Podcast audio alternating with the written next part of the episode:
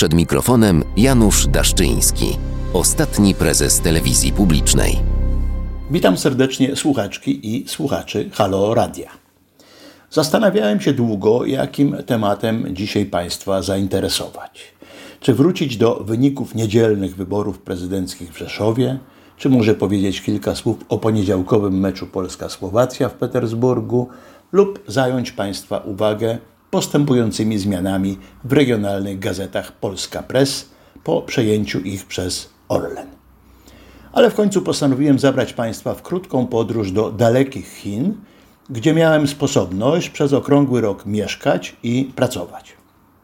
Pracować, co ważne, z pokaźną grupą młodych, dobrze wykształconych Chińczyków, z reguły apolitycznych, aspirujących do osiągnięcia szybkiego sukcesu zawodowego i finansowego, co daje i prestiż, i pieniądze.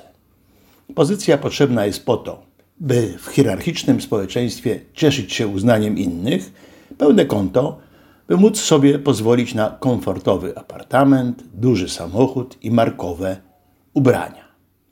Czy te motywacje stoją w sprzeczności z chińską tradycją? Nie, gdyż są współczesną emanacją konfucjanizmu, do którego powrót jest tu aż nadto widoczny.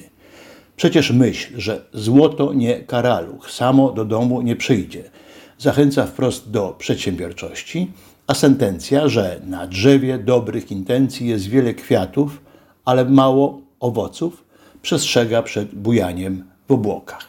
Ale uwaga, Chińczycy, jako mistrzowie sprzeczności, ideę harmonii Konfucjusza łączą coraz częściej z przekazem wynikającym z traktatu Sun Tzu pod tytułem 36 strategii. A to nic innego jak sztuka wojny, czyli jak wygrać za wszelką cenę.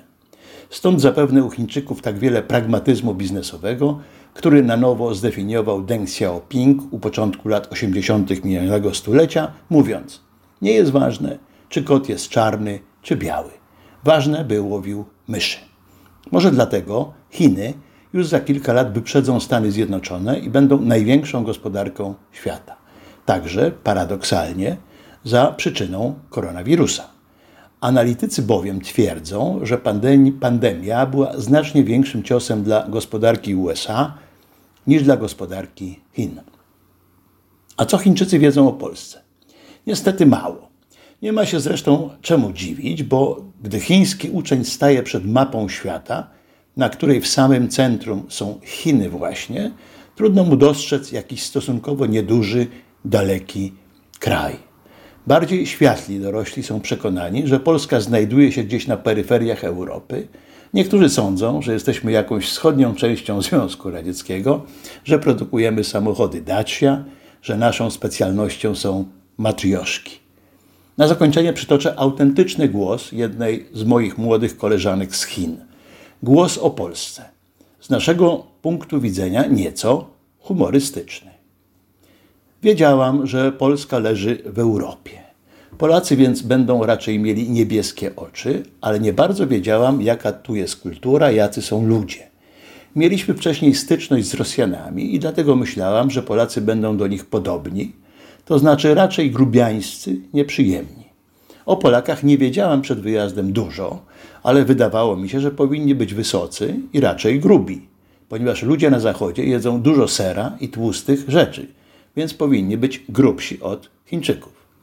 Po przyjeździe do Polski okazało się, że moje wyobrażenia są zupełnie różne od rzeczywistości. Były to różnice zdecydowanie na plus. Myślałam, że Polska przypomina Chiny, a kiedy tu się znalazłam, okazało się, że nie ma tu aż tak dużo ludzi, że wszędzie są ładne domy, budynki, piękne lasy i krajobrazy. Przepiękny jest też Bałtyk, złocisty piasek, który przypomina mąkę. No i co Państwo na to? Potwierdza się więc stara prawda, że podróże kształcą.